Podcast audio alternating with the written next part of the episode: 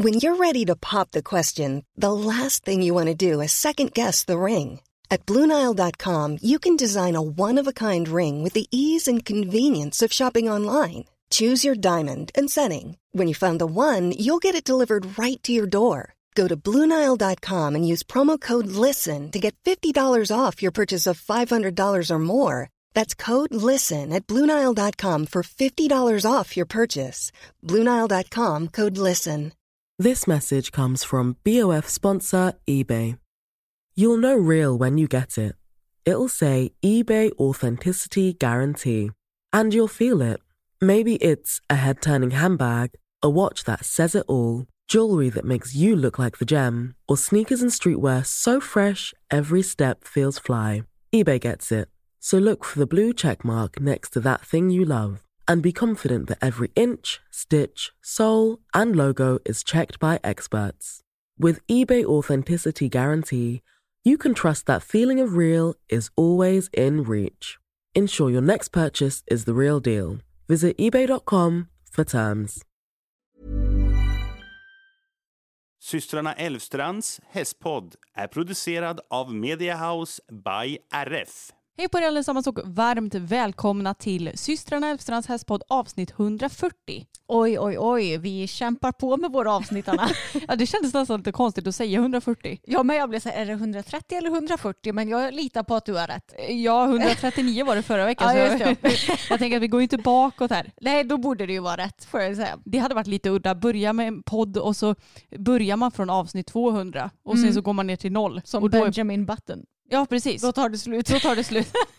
Nej så ska vi inte göra. Nej. Men jag som pratar nu heter Anna. Och jag heter Emma och det här är podden om oss och våra fyra hästar och ridsporten i stort och smått. Och hur är läget med dig idag Anna? Jo men jag mår bra. Jag har haft en fin helg där jag egentligen inte gjort så mycket hästmässigt men, eh, ja, men samlat energi, städat lite. Eh, så att jag, eh, jag känner mig ändå pepp. Mm. Hur mår du? Jo men jag får nog säga att jag har precis samma sinnesstämning som du har. Mm. För den här helgen har ju både du och jag varit ja, men nästan helt hästlediga. Vi har ju inte ridit i alla fall. Och, utan vi har ju mest ja, men mockat och grejat och fixat i stallet.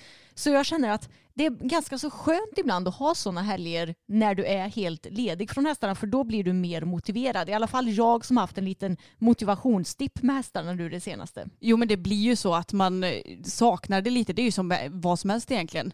Ibland kan man ju kanske bli lite trött på sin syster eller partner och då räcker det med några dagar mm. ifrån mm. så blir man så här, åh nu längtar jag efter ja, den igen. Exakt. Så eh, det går ju att applicera på vad som helst. Men eh, det har ändå varit välbehövligt och det är ju skönt att vi har bra medryttare som kan ta hand om våra hästar när vi inte gör det. Ja, och de får alltid så mycket beröm också, våra hästar. Ja, men det var så roligt för att våra, eller vi hade vår medryttare Jessica tänkte jag säga, och hon tog med sig en kompis och så skulle de rida ut. Igår var ju det. Mm. Och vi mötte dem i stallet lite efteråt så då berättade de hur det hade gått och då eh, hade de mött en lastbil med släp på vägen och då hade de mött dem i en jätteskarp kurva som finns på asfaltvägen. Det är precis när man ska komma ut till grusvägarna där vi brukar rida. Och den här lastbilen, de hade hört att den hade kommit ganska så snabbt, vilket ju är väldigt idiotiskt med tanke på att det är en väldigt skarp kurva. Jag, eh, med personbil så kör jag kanske i 40-50 den liksom. Ja. Då förstår ni ändå hur skarp den är. Och den hade ju fått i princip eh, nita när de såg hästarna. Och sen så, våra hästar hade bara sett hittat lite på den och bara jaha nu kommer det en lastbil och dessutom så hade ju pappa kommit bakom ja. hästarna också med traktor och ett släp. Så det var så här en stor lastbil med släp och en traktor med släp åt båda håll. Så att eh, man kan ju tänka att hästarna borde flippa ur men nej, inte våra. Nej, de är så coola så. Och idag så har vi ridit ut också vilket gick jättebra och sen så vankas det dressyr nu två dagar i rad för vädret det senaste det har ju inte varit speciellt roligt kan man ju säga. Nej, det så, åskade ju igår till och med. Ja, det åskade och det har spöregnat. Det ska regna ännu mer idag och imorgon ska det regna typ hela dagen. Så då sa vi att då åker vi till ridhuset och på onsdag när det faktiskt ska bli bra väder här, då har vi dressyrträning så då får det bli ridhuset igen. Ja, det är ju lite typiskt när man har fasta tider. Jag älskar det i och för sig för att då vet man ju om när det blir träningar och inte. Men det är ju lite typiskt när vädret visar strålande sol, då vill man ju typ eller strålande sol, men det ska vara fint i alla fall. Då vill man ju snarare ut i skogen och mysa. Ja, men man vill ju det. Men det ska bli roligt att dressyrträna i alla fall, för båda hästarna känns ju väldigt fina i dressyren nu. Och nu till helgen så blir det Medels for B-debut för dig och Fokus. Alltså jag blir pirrig bara du säger det där. Det känns helt sjukt. Det, Ja. det känns jättekonstigt att se mitt namn i en lista där det står Medels for B1. Ja. Bara, nej, det här är inte sant. nej men det ska bli jättekul faktiskt. Jag, jag känner mig såklart lite nervös. Men framförallt så tycker jag att det, känns väldigt spännande. Det ska bli kul. Mm. Och du ska ju tävla, det blir ju debut för det 05 Ja. ja. Välsan. Precis, ja, för det är en klass som jag faktiskt inte har hoppat tidigare med henne. 105 centimeter. På fredag i Grevagården. Mm. Så det ska bli roligt. Nu har vi haft, ja vad blir det? Några helger tävlingsledigt. Ja, jag tror det är tre veckor sedan du tävlade va? Ja, jag tror det också. Så det, ja, precis, det kommer nog ha gått tre veckor. Mm. Så det har ju varit välbehövligt för mig med ett par helgers paus. Så nu börjar jag känna mig lite taggad för tävling igen. Vi hoppade ju lite grann förra veckan. Det kändes väldigt bra. Mm. Och ja, nej men det känns hon känns fin nu. Sen så har hon ju lite humör och sådär ibland som vanligt. Men överlag så känns hon fin och fräsch i kroppen. Jag känner mig bättre och bättre också. Ja, ni blir bara bättre och bättre. Ja, det får man ju hoppas i alla fall. Men du, det var faktiskt en, eller ett roligt pass förra veckan som jag hade. För att då var det, jag tänkte att jag måste ju rida dressyr för jag måste träna på med de här bytena och få ordning på det. Och du kände att du hade lite ont i ryggen och var lite sådär, lite, inte deppig men lite, ja men ni vet, inte så himla pepp. Nej. Så du red ut med Bella medan jag red fokus i paddocken. Och Fokus är ju lite sådär, han tycker ju att det är mycket mysigare att ha sällskap i paddocken. Så att jag var lite sådär, ja ja, vi får se lite hur det här passet går. Sen så var ju också samtidigt en bonde som bor i krokarna här. Han har massa åkrar runt omkring vår gård kan man säga. Det är både liksom bakom och vid båda sidor om gården.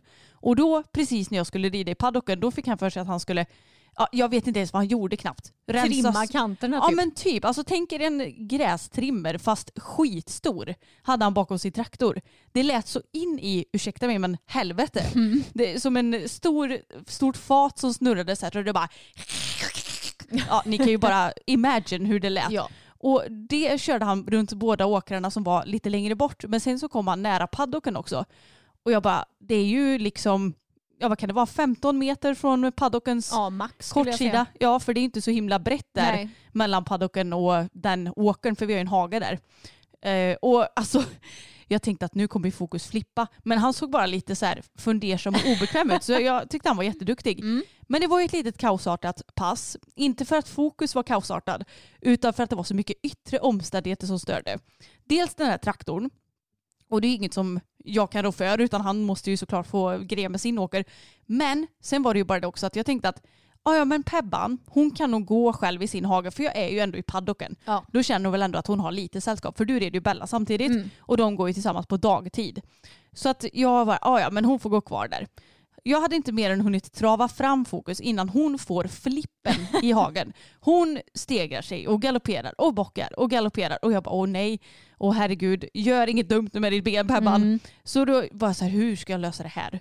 Eh, Så då fick jag ju sitta av fokus, leda med honom in i stallet, hämta Pebbans grimma, gå ut till Pebbans hage med fokus i handen för jag bara, han kommer tycka det är jättekonstigt att bli inställd i en box nu. Så han fick helt enkelt följa med, hämta Pebban. Det var lite småsvårt för hon var ju lite uppe i varv. Ja. Men så fort jag hade fått på henne grimman så lugnade hon ner sig. Sen fick jag gå tillbaka till stallet med båda hästarna, eh, släppa in Pebban i ena boxen och stänga om henne. Och sen kunde jag och Fokus gå ut igen. Och han var lite sådär, alltså vad händer? Men han skötte det väldigt bra måste jag säga, trots eh, de här knepiga grejerna. Så jag måste säga att jag, jag är väldigt stolt över min häst som har kommit hit ändå. Jag tänker på det ganska ofta när jag rider ut till exempel att oj vad okomplicerat det är nu för tiden. Ja, för det var det inte förut. Då var det väldigt mycket tjafs och krångel och han skulle stanna och backa och stegra sig och ville inte gå framåt. Nu är det så här, blir han rädd för någonting, ja då kanske han skuttar lite åt sidan som en liten kanin typ och sen så fortsätter han att galoppera eller trava eller vilken gångart han nu går i. Ja, alltså det är så himla skönt känner jag. Så jag är nöjd över min lilla häst och det ska ju som sagt bli väldigt spännande i helgen och du är väl nästan minst lika taggad som jag tror jag. Ja men alltså jag är nog nästan mer taggad än dig. Jag är, jag är orimligt taggad på att hänga med er på tävling på söndag. Mer, jag är mer taggad på att hänga med er än att tävla själv med Bella. Ja, jag, jag är typ lika taggad tror jag på båda tävlingarna. Ja. Men målet i alla fall, jag vet inte om jag nämnde det förra veckan. Ja, jag vet inte. Men ett litet önskemål det är att bli godkända. Ja. Det vore väldigt kul. Mm. Och sen så får vi se om vi blir det eller inte. Det beror ju på hur mycket missar man får och inte. Exakt. Men vi ska verkligen kämpa vårt allra bästa som vi förhoppningsvis alltid gör. Ja.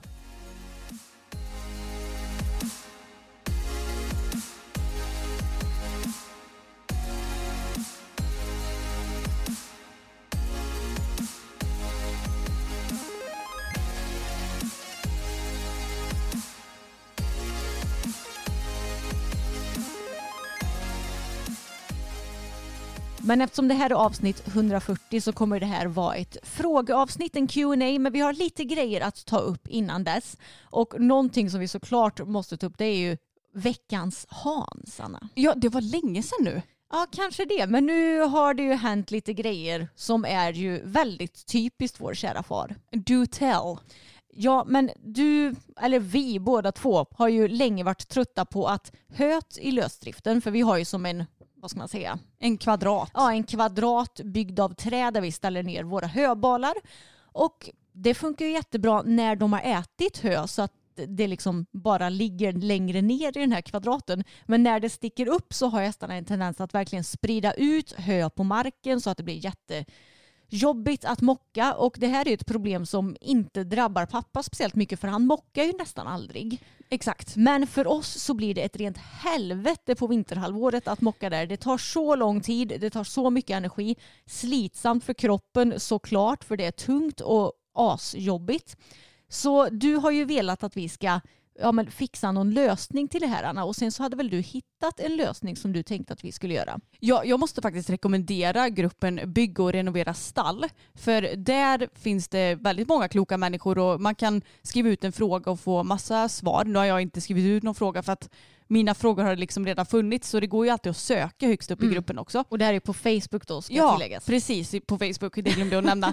Eh, Men där i alla fall så har jag sett jättebra lösningar på höbingar där de har, ja, men de har som en kvadrat men att de har byggt som ett galler av trä. Mm. Så att tänk er typ som en lastpall som man lägger på höet Mm. i princip fast det är ju inte så himla tätt mellan plankorna då. Eh, Så att hästarna inte kan hålla på och buffa runt höet utan de äter det men ja, det ligger lite mer still. Ja. För det är nog ett stort problem hos många tror jag att hästarna de, de vill gärna ha det höet som är längst ner. ja, exakt. De tuggar sig ner och sen så kastar de upp höet och de håller på, de är riktiga grisar. Japp. Så det såg jag och tänkte att det kanske vi kan applicera på vår, eh, ja, vår lilla höbinge då. Mm. Och då så gjorde pappa det när jag inte var hemma. Mm. Du, hade du hade visat en bild för Ja, honom. exakt. Och då så sa han att han har byggt exakt som den bilden. Men det har han inte gjort för han har gjort någon tvärtom. För den här grejen är ju en sån som man lägger i själva höbingen. Mm. Han har istället byggt en grej som man lägger på själva höbingen. Ja. Alltså på kanterna. Mm. Och det funkar ju när, när höet är tillräckligt mycket. När det, är, när det inte sticker upp någonting Ja. och när det inte är för mycket ätet. För jag tänker att det är dumt att de sticker ner huvudena emellan Mm. slanorna och äter. Liksom. Mm. Men eh, han fattar nog inte riktigt att det inte är en bra idé. Nej, och jag fattar ju inte hur din idé, eller det som du har sett i gruppen, alltså hur det ska se ut. Nej. Eh, Min liksom, logiska och opraktiska hjärna den fattar inte det. Och pappa han har uppenbarligen inte fattat heller utan han har ju hittat på någonting själv Ja. som så många gånger. Och eh, på vägen hem från gymmet idag så var det ganska så underhållande att lyssna på er telefonkonversation. Ja, för jag ringde honom för jag skulle fråga ifall vi ska slänga din gamla frys hemma. För du har ju nämligen köpt en ny frys så att du slipper den som har stått i källaren och den kanske inte är så himla fräck längre. Så den ska vi ta med oss till tippen idag för jag och Samuel ska dit. Och då så började han prata om den här höbingen. Och då så sa ju han att ja men jag har ju byggt den exakt så som du skickade och jag bara hur, hur kan du tycka att det är exakt så som jag skickade? Det är två helt olika saker. Och så sa jag det att jag tycker att det är inte en helt hundra bra idé. Men pappa han funkar ju lite som så.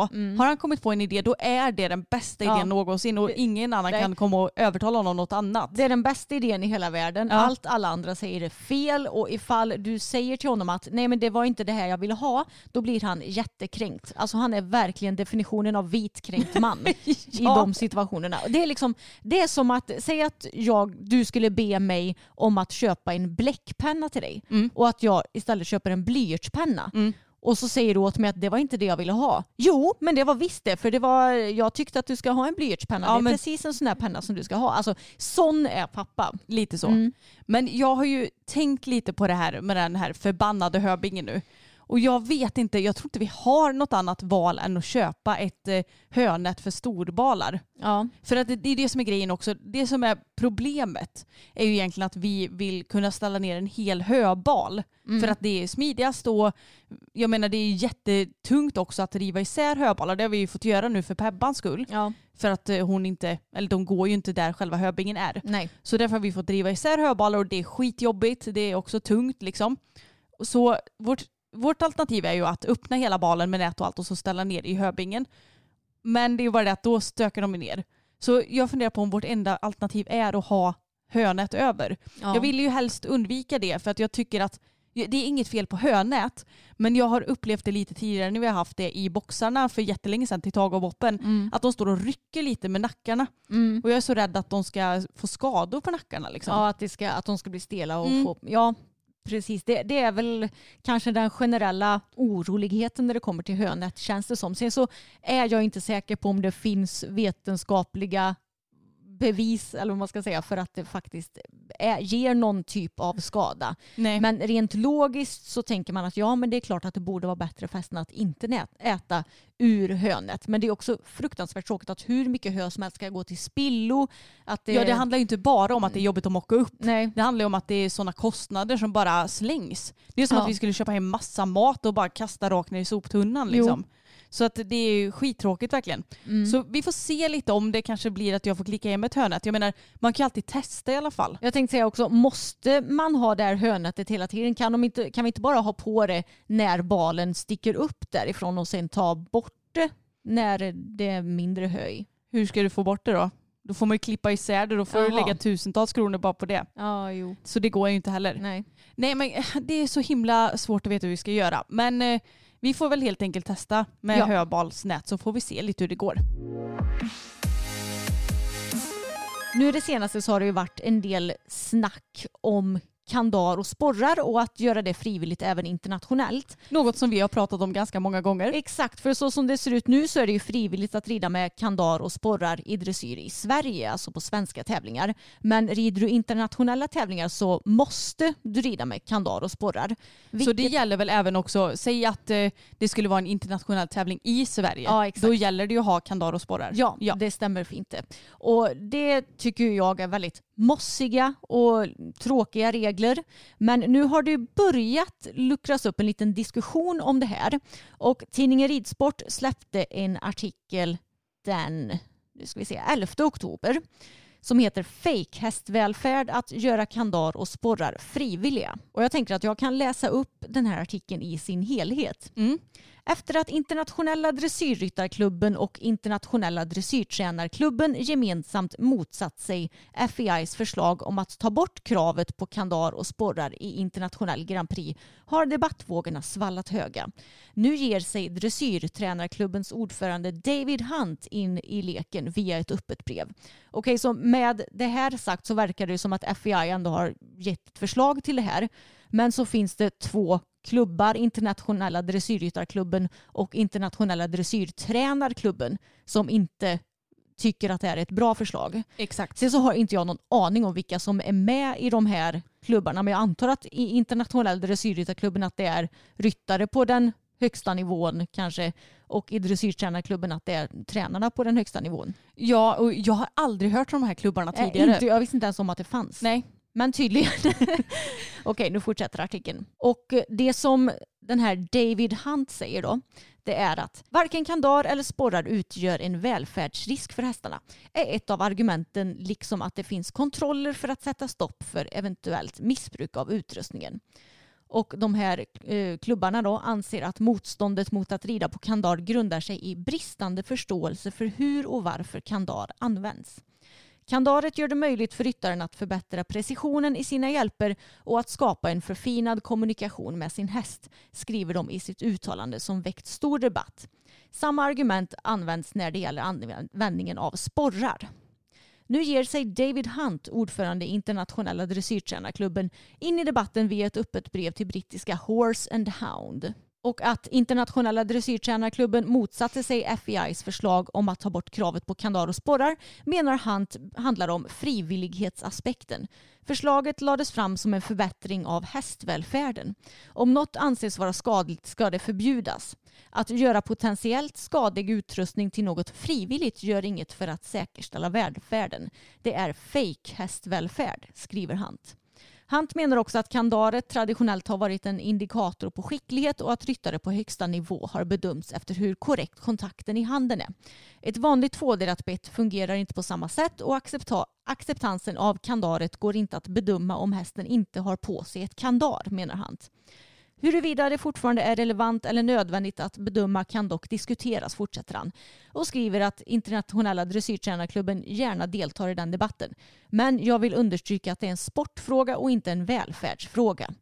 Välfärdsregler bör baseras på vetenskapliga underlag. Frågor om hästvälfärd och sportfrågor ska inte blandas ihop. Ja men det som jag tycker är så lustigt med den här artikeln det är att de säger att ja, men det som bedöms är kontakten till kandaret. Mm. Men jag menar hur ofta ser inte vi på högsta nivån dressyrhästar som går och gapar och ser jätteobekväma ut med kandar mm. i munnen. Och det kanske inte beror på kandaret, det kan ju likväl vara ryttarens hand. Jo. Så jag tycker inte att det riktigt går ihop det han säger. Nej, och det jag inte riktigt fattar heller det är att hur kommer det sig då att i Sverige funkar det ju utmärkt att döma Exakt. ryttare som rider på trendspett jämfört med kandar i samma klass. Och att det inte är några konstigheter. Så jag känner att varför varför skulle det inte funka på internationella tävlingar också? Nej, men de, de får då låta som att ja, men man får välja mellan att rida framlänges eller baklänges ungefär.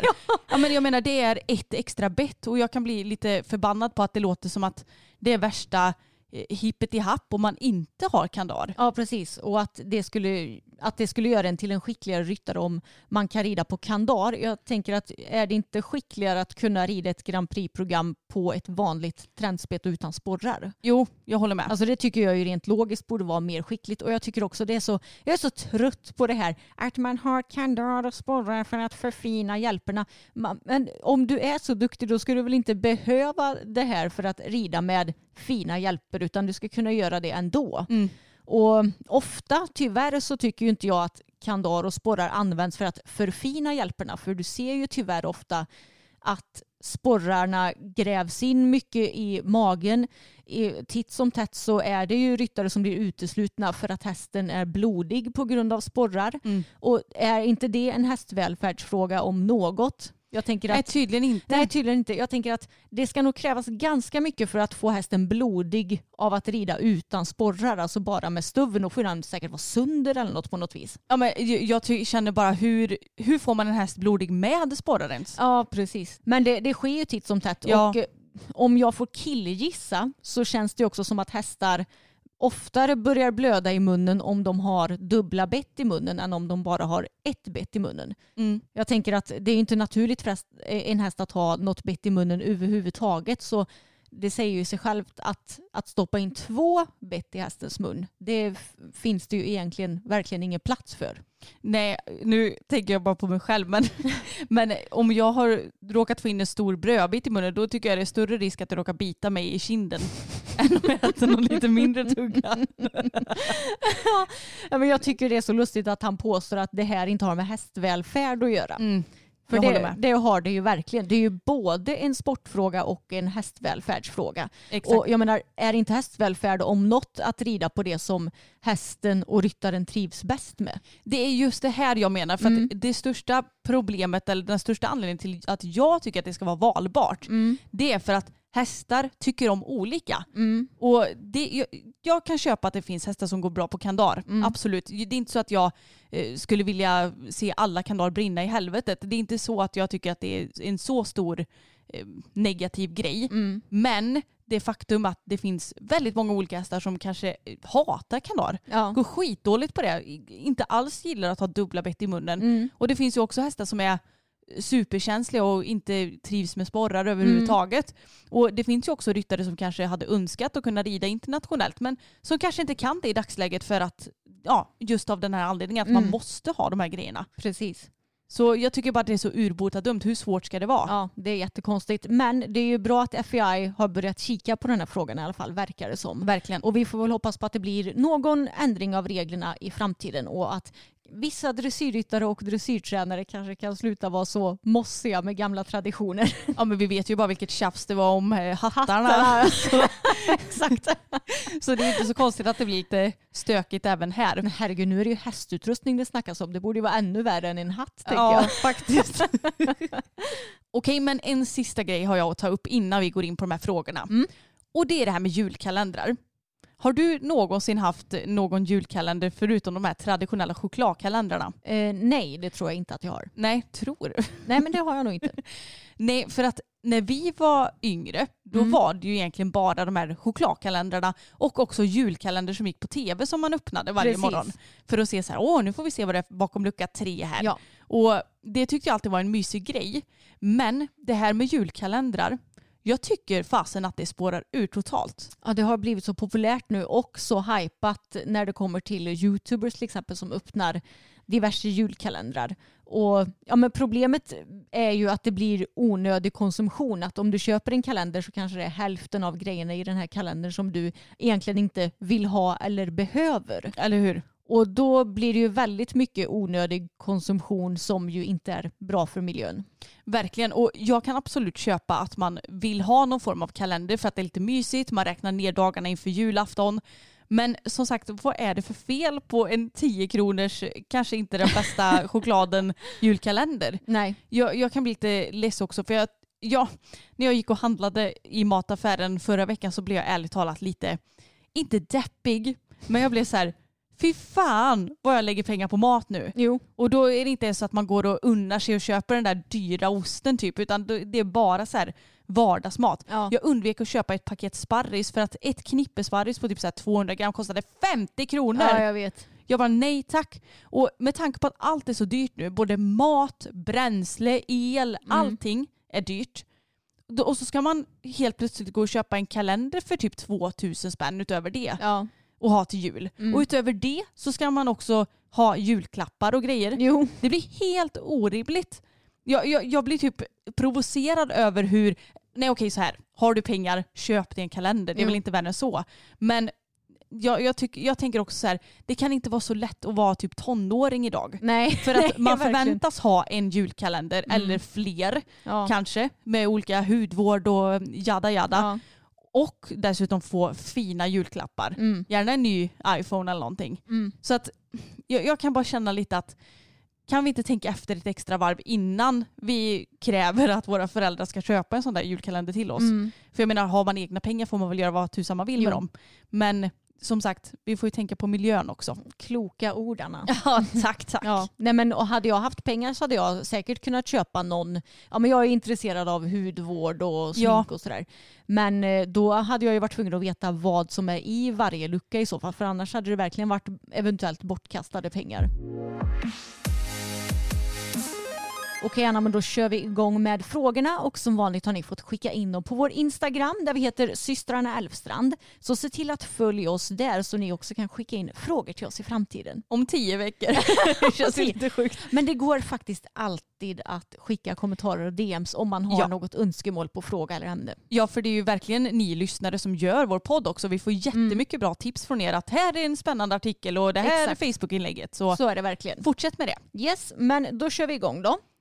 Jag tycker det känns som att bara ston skadar sig så pass allvarligt att de inom stationstecken inte kan, bör bli ridhästar igen. Det vill säga de sätts i avelsboxen.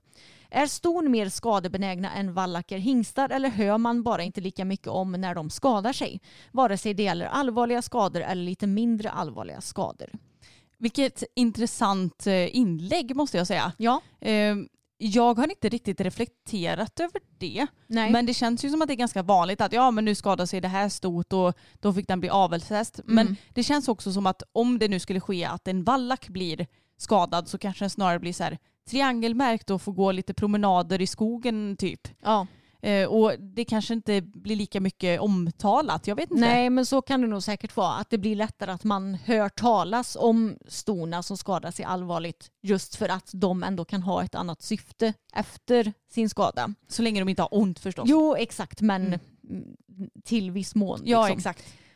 Sen så vet jag inte rent statistiskt alltså hur det är det här med ston och vallackar. Jag, jag tror ju inte att det finns någon, några vetenskapliga bevis på att ston till exempel skulle vara klumpigare eller mer skadebenägna än hingstar och vallacker. Men ska vi vara sådana så har ju våra ston stått mer än vad min, våra vallackar har gjort. Ja, det, ja, om man inte räknar med Boppen då. Han var ju inte heller oklumpig direkt. Mm, nej, i och för sig inte. Och sen skadade han ju sig så vi fick ta bort honom. Ja. Men mm, Mm. jag, jag vet inte, det är en väldigt intressant fråga. Ja, men det, det enda som jag känner att jag tänker på i den här frågan är att jag hoppas ju på att inte ja, men vallacker och hingstar kanske tas bort allt för lättvindigt när det kommer till skador. Nej, du tänker att eh, om den bara, ah, hade den här hästen varit ett sto så hade jag kunnat spara på den men nu Mm. har jag ingen användning för det så då tar jag bort den istället. Ja exakt, jag tänker att många hästar kan ju säkert leva lyckliga liv bara som glada pensionärer Mm. utan att ja, men behöva ridas eller köras eller vad de nu brukade göra egentligen. Nej, precis.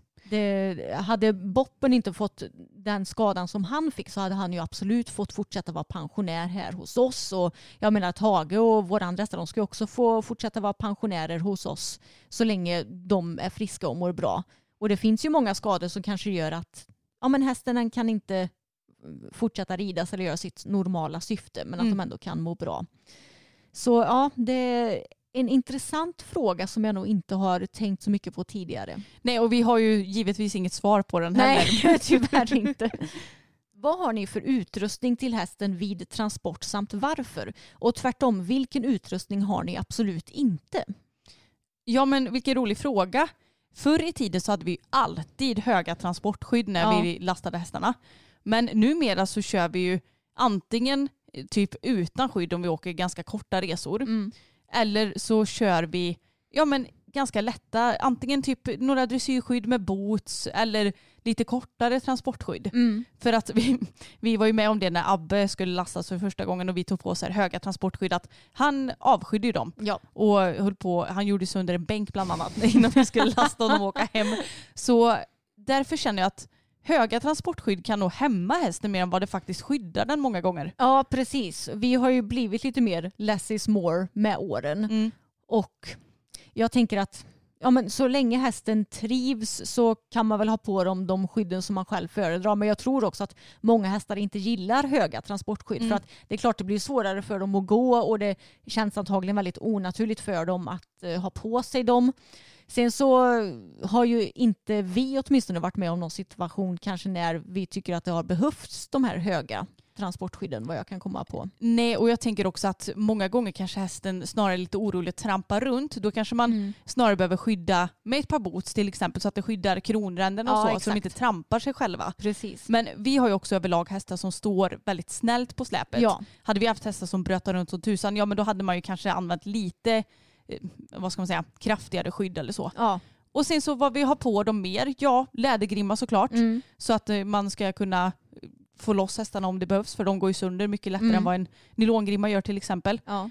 Och sen så har vi täcke efter behov. Vi Mm. har inte haft på något täcke än i höst. Nej, precis. För att det inte har behövts. Och jag tror att många faktiskt övertäcker sina hästar lite i transporten. Jag tänkte säga det, är det någonting som vi absolut inte skulle ha på våra hästar i transporten så är det för mycket tecken. Mm. För det märker vi ju när vi lastar dem att det kan ju vara ganska så här kyligt ute. Men sen i transporten och i synnerhet om man kör två hästar i transporten, alltså det blir ju varmt där inne. Ja men exakt, de värmer ju upp varandra nästan. Ja, värmer upp varandra, kanske lite luftfuktighet också. Om de har, ja, de, de behöver ju inte ens vara svettats för jag menar det, hästar utstrålar ju väldigt lite fukt överhuvudtaget.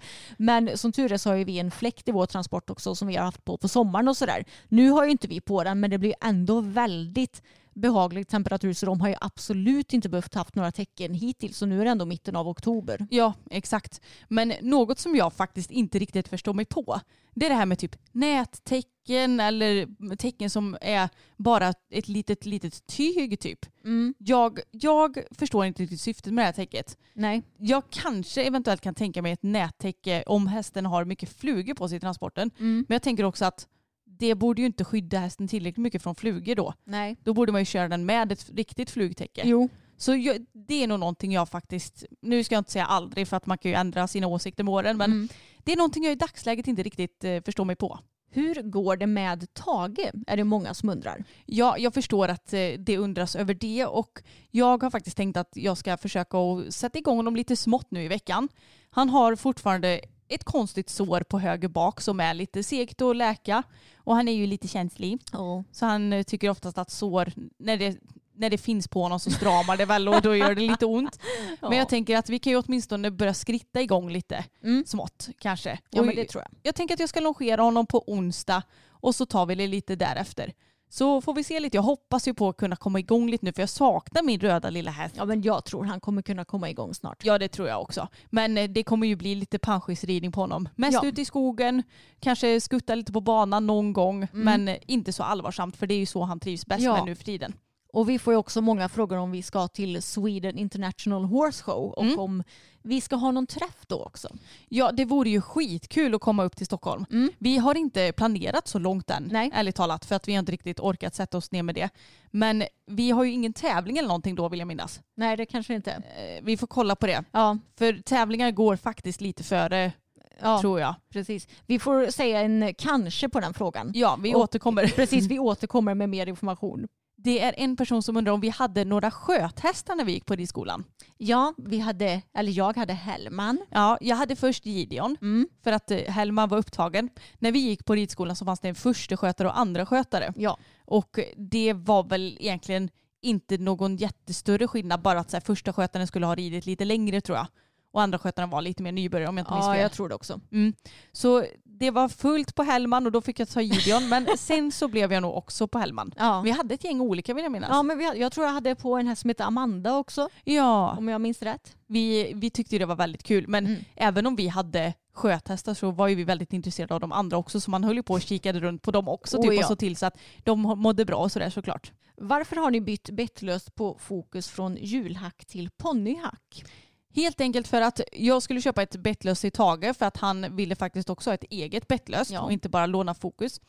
Och det visade sig att, för då köpte jag det här krysshacket som jag har på fokus nu. Det är ponnyhack. Ponnyhack, ja. Mm. Om inte ännu. Det är väl minihack nästan Ja, minihack kanske. Ja, och då provade jag det på tag och han gick skitdåligt på det. Så då fick Fokus ta det istället. Och jag var lite snål för LG Bridal har ju vi på både Fokus och Bella, eller har Ja. haft i många år nu. Och jag tycker det funkar jättebra men det kostar liksom över tusen kronor. Mm. Och då blev jag lite snål så då köpte jag det här istället. Men jag tror att det i slutändan nästan kostar mig lika mycket som ett LG Bridal. Så i efterhand undrar jag varför köpte jag inte bara det Vänta, från början? var, varför kostade det i slutändan mer? Nej men för att jag köpte massa olika näsdelar och sånt till det här. Ja. För att det, det var ju bara skänklarna jag köpte först. Ja just det. Eller de här Mm. minihack-grejerna. Och så var jag tvungen att ha en nosdel och så passade den där fram skitkort. Och Mm. ja, det var massa turer fram och tillbaka med det där. Men eh, så blev det i alla fall. Ja, men det är ju jättemånga som frågar om våra bettlösa trends vet jag. Och vi har ju oftast ett LG Bridal.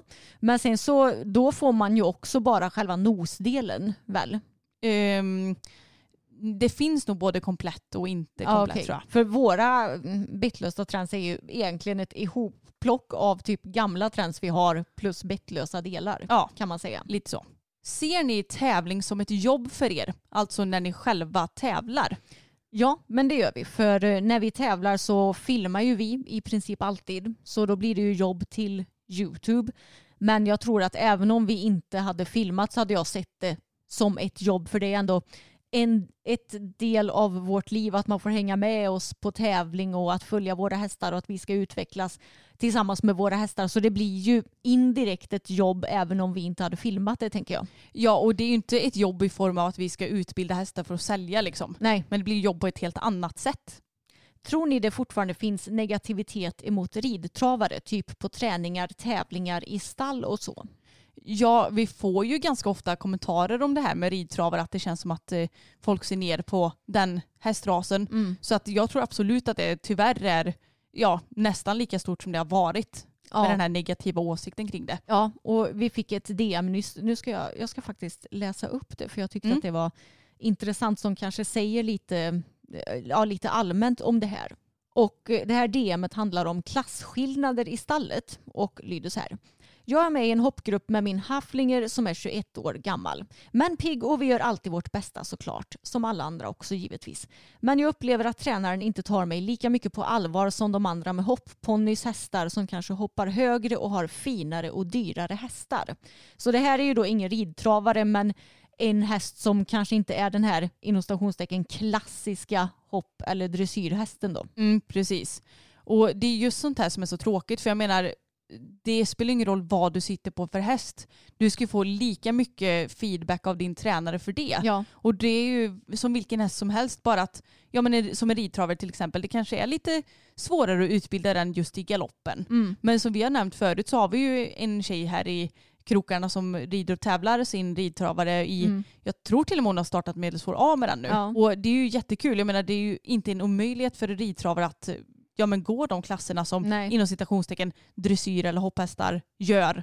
Eh, men det är ju bara det att det kanske krävs lite mer av dig som ryttare för att det är Mm. kanske inte, eller nu säger inte jag att det är lätt att utbilda någon häst, men det kanske krävs lite extra när hästen inte har det naturligt. Ja, jag tänkte säga att en dressyrstammad häst får man väl ändå till exempel anta har en liksom naturlig fallenhet för skritt, trav, galopp. Ja, för rena Ja, gångarter. rena gångarter, Mm. piaff, passage. Alltså, det är ju det man har avel till tänker jag. Ja, Det hade, exakt. inte, det hade inte gått så bra om en hopphäst skulle liksom springa ett monté-lopp till exempel. Nej, men exakt. Ja, nej, men jag tycker bara det är trökigt med folk som ser ner på andra beroende på vilken häst man har. För det första så har ju inte alla möjlighet att köpa någon dyr häst och då kanske det blir andra sorters raser man får köpa. De kanske gillar ridtravare och Mm. tycker att det är en trevlig ras att ha och det kan jag förstå för jag tycker att ridtravare verkar vara generellt väldigt trevliga. Och, eller så, man kanske heller inte vill satsa och bli bäst på allting. Och då är det ju ganska så onödigt att ha en häst för 300 000 till Ja, exempel. det finns ju ingen anledning. Nej. Så att jag tycker det är väldigt tråkigt med den här synen på olika hästraser. Ja. Det gäller ju inte bara ridtravare förstås. Nej, och att man fortfarande vill utvecklas och ha kul tillsammans med sin häst. Det kan man ju vilja på oavsett vilken nivå man rider på. Exakt. Så ja, se inte ner på andra även om de har andra förutsättningar än dig själv helt enkelt.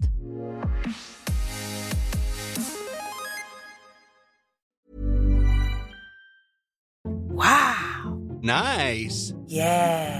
What you're hearing are the sounds of people everywhere putting on Bombas socks, underwear, and t-shirts made from absurdly soft materials that feel like plush clouds. Yeah, that plush. And the best part? For every item you purchase, Bombas donates another to someone facing homelessness. Bombas. Big comfort for everyone. Go to bombas.com slash ACAST and use code ACAST for 20% off your first purchase. That's bombas.com slash ACAST. Code ACAST. Hey, it's Paige DeSorbo from Giggly Squad. High quality fashion without the price tag. Say hello to Quince. I'm snagging high-end essentials like cozy cashmere sweaters, sleek leather jackets, fine jewelry, and so much more. With Quince being 50 to 80% less than similar brands. And they partner with factories that prioritize safe, ethical, and responsible manufacturing. I love that. Luxury quality within reach. Go to quince.com slash style to get free shipping and 365 day returns on your next order. Quince.com slash style. Emma, vilken har varit din sämsta uteritt? Har du något specifikt minne som känns här lite traumatiskt? Får jag försöka tänka. Alltså, det är en liten rolig historia som jag tror säkert att vi har tagit upp i podden. Det var nog för ett par somrar sedan när jag red Boppen, pappa red Bella och Sigrid red Tage. Och så skulle vi rida iväg till klätterbackarna som var längre bort. Och då ska vi passera en gård där det går ja, men, hästar och där det är liksom, ja, eh, hästarna brukar alltid bli väldigt spända här, det Mm. kan man ju säga. Mm. Och då red pappa först med Bella och Bella brukar vara väldigt okomplicerad och gå fram överallt. Men nej, hon tvärvägrade för det var någonting som hon tyckte var läskigt. Så då vänder hon sig om och eh, typ nästan tränger ner Tage i diket. Och Så han går då in i eltråden där så han får sig en stöt. Så Sigrid flyger nästan av för att ja, det blir verkligen kaos och jag rider på boppen och eh, det är väl mig som det egentligen går bäst för skulle jag säga. Men alla hästar är svinspända. Sigrid höll nästan på att flyga av. Pappa höll nog typ också på att flyga av. det slutar med att pappa får hoppa av Bella och skritta henne förbi. Mm. Eh, det läskiga då. Tage, han vill fortfarande inte gå förbi där så han går ner i diket igen och får en till elstöt. Varför är det här så typiskt Tage? Ja, jag vet. Sen så till slut då så lyckas vi. Men hästarna de var så jobbiga och så extremt spända. Och det här var mitt på sommaren. Det var skitmycket blindningar och Såklart. liksom sådär i skogen. Så de var ju asirriterade på det också. Till slut så får Boppen nog och går först. Och jag kan säga att den här hästen han kunde typ inte gå först för han var så fruktansvärt spänd och vägrade gå först. Så när han då gick först då kan man ju förstå hur illa det här var. Ja, det är tur att det gick så bra för er. Ja, nej det är nog en av mina jobbigaste utritter i alla fall de senaste åren. Jag menar, jag har ju många historier egentligen. En som jag kommer ihåg specifikt, det var när vi bara, tänkte jag säga, hade Tage och Boppen. Vi skulle galoppera på våran galoppstig som tyvärr inte direkt finns längre för de Nej. har lagt på massa stora grusstenar så det inte går att rida på den längre i samma tempo i alla fall. Och vi skulle då konditionsträna på den här sträckan och det hade vi gjort många gånger förut.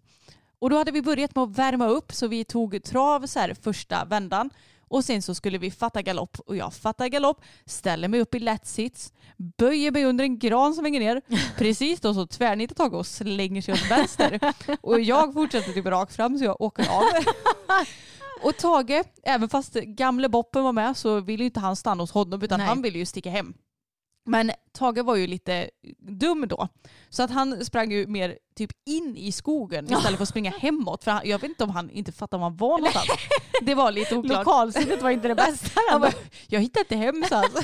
så det slutade med att Tage han travade runt där. Jag sprang efter Tage. Du hann ju komma av boppen i alla fall så Ja. att han skulle få panik och springa Nej. iväg också.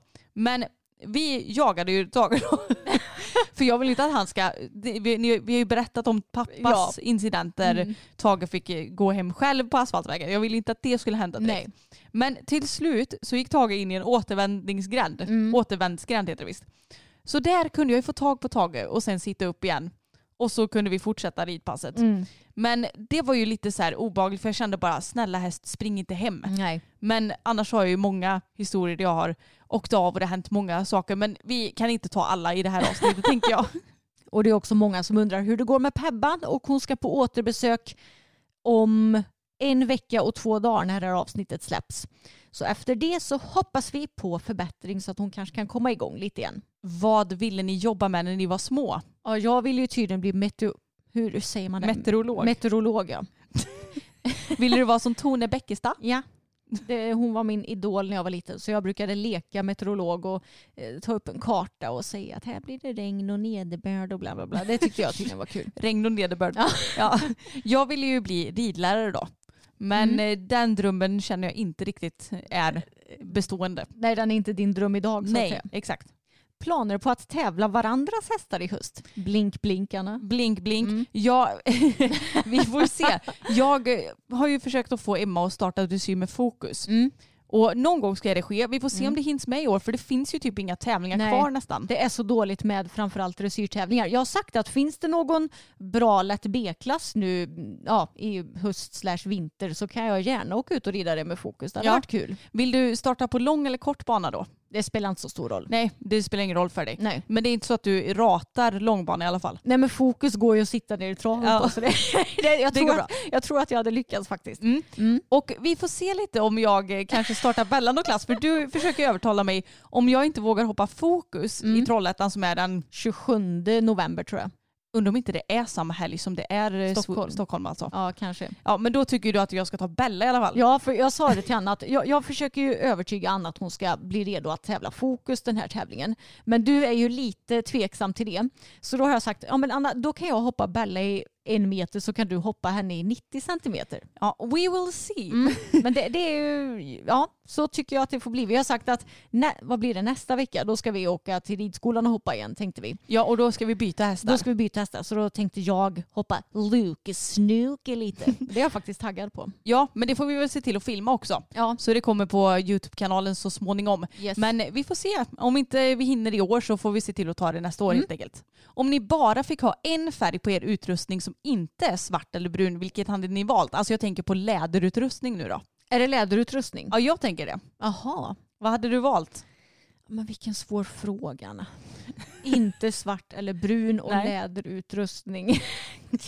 Men alltså man ser ju typ aldrig läder i någon annan färg än Nej, svart det- och brun så det är så svårt att föreställa sig Jag jag. tror typ inte att det finns. Men eh, jag hade ju valt mörkblått. Alltså Ja. marinblått som jag ändå har. Mm. Något som du hade kunnat ha mörkgrått Emma. Ja, jag, jag tänkte faktiskt Ja. på grått. Får Det hade säga. varit snyggt tror jag. Men jag tror det hade varit snyggt med eh, ja, men kanske mörkare vinrött också. Åh, det hade varit snyggt. Mm. Jag vet inte om det personen i fråga menade Eh, Jag, tror, jag tror säkert att personen i fråga menar eh, alltså, ridkläder. Ja men det står ju svart eller brun. Då Ja, tänkte jag att det Men är då, läder. då svarar vi på ridkläder också Anna. Om, du Okej. inte hade haft, om du bara fått ha en färg. Ja, men jag, jag, kanske, jag kanske får räkna bort marinblått också då, för det är ju det som jag bär Ja. allra mest. Då hade jag nog valt vinrött alltså. Ah, det hade jag ju också tagit. Men du får ta samma. Ja, vinrött eller skogsgrönt. Ja det är så För det, snyggt. det passar ju alla hästar också. Väldigt sant. Anna, är du fortfarande lika hopprädd som du har varit det senaste? Ja tyvärr. Nej okej, kanske inte riktigt för jag kände mig inte så rädd när vi hoppade sist. Nej. Så det går nog ändå åt rätt håll. Men Mm. jag vet att pappa försöker ju tjata lite på mig att jag ska ut och tävla och Mm. jag tror att eh, folk nog tycker överlag att jag är ganska tråkig som hoppar så lågt just nu. Mm. Men det är för att bygga för framtiden. Det är ju bara så det går att göra. Mm. Det går inte att stressa fram någonting. Det är vad det är och jag tror att du behöver bara liksom fortsätta hoppa regelbundet nu så ska nog den här rädslan släppa snart. Jag är övertygad om det. Men eh, det gäller att ha lite is i magen. Vilken är den dyraste hästen som ni ridit? Jag tänkte säga, har vi ridit någon dyr häst? Jag vet Eh. inte om Pippi skulle, alltså Mirandas Pippi, hon är ändå utbildad Grand Prix. Jo, men det, det är klart hon skulle ju säkert varit dyr om hon hade sålts. Men jag vet att eh, Miranda ju- har ju inte köpt henne för mycket pengar. Nej liksom. precis, så det är ju så här defi- definitionen av vad är dyr. Ja, Men jag tror inte vi har ridit några speciellt dyra hästar. Vad jag... inte vad vi vet i Nej, alla inte fall. vad vi... vi bara, ursäkta vad kostar den här hästen? ja, exakt. Nej men jag, jag vet faktiskt Nej, inte. men ändå när man har provridit hästar så vet man ju att det är inom ens budget. Exakt. vi, vi, bara, vi var det som kostade miljon men Ja. eh, vi kunde inte köpa den. Nej, så ja, vi får ju ändå säga då att vi vet inte. Nej. Äter Emma gelatin? Nej, det gör jag inte. Och för er som inte vet vad gelatin är så är det ju fett ifrån ja, men oftast nötkreatur. Mm. Och finns ju i en del godis men som tur är så är ju det mesta godiset numera gelatinfritt. Det Och- du saknar vet jag är såpor. Ja, såpor är fan det enda jag saknar. Och så de här Cola Ferrari-bilarna, de Ja. är ju mumsiga också. De är goda. Så de saknar jag men annars så klarar jag mig väldigt bra på Bubs godis. Vad är era bästa tips för att minska prestationsångest?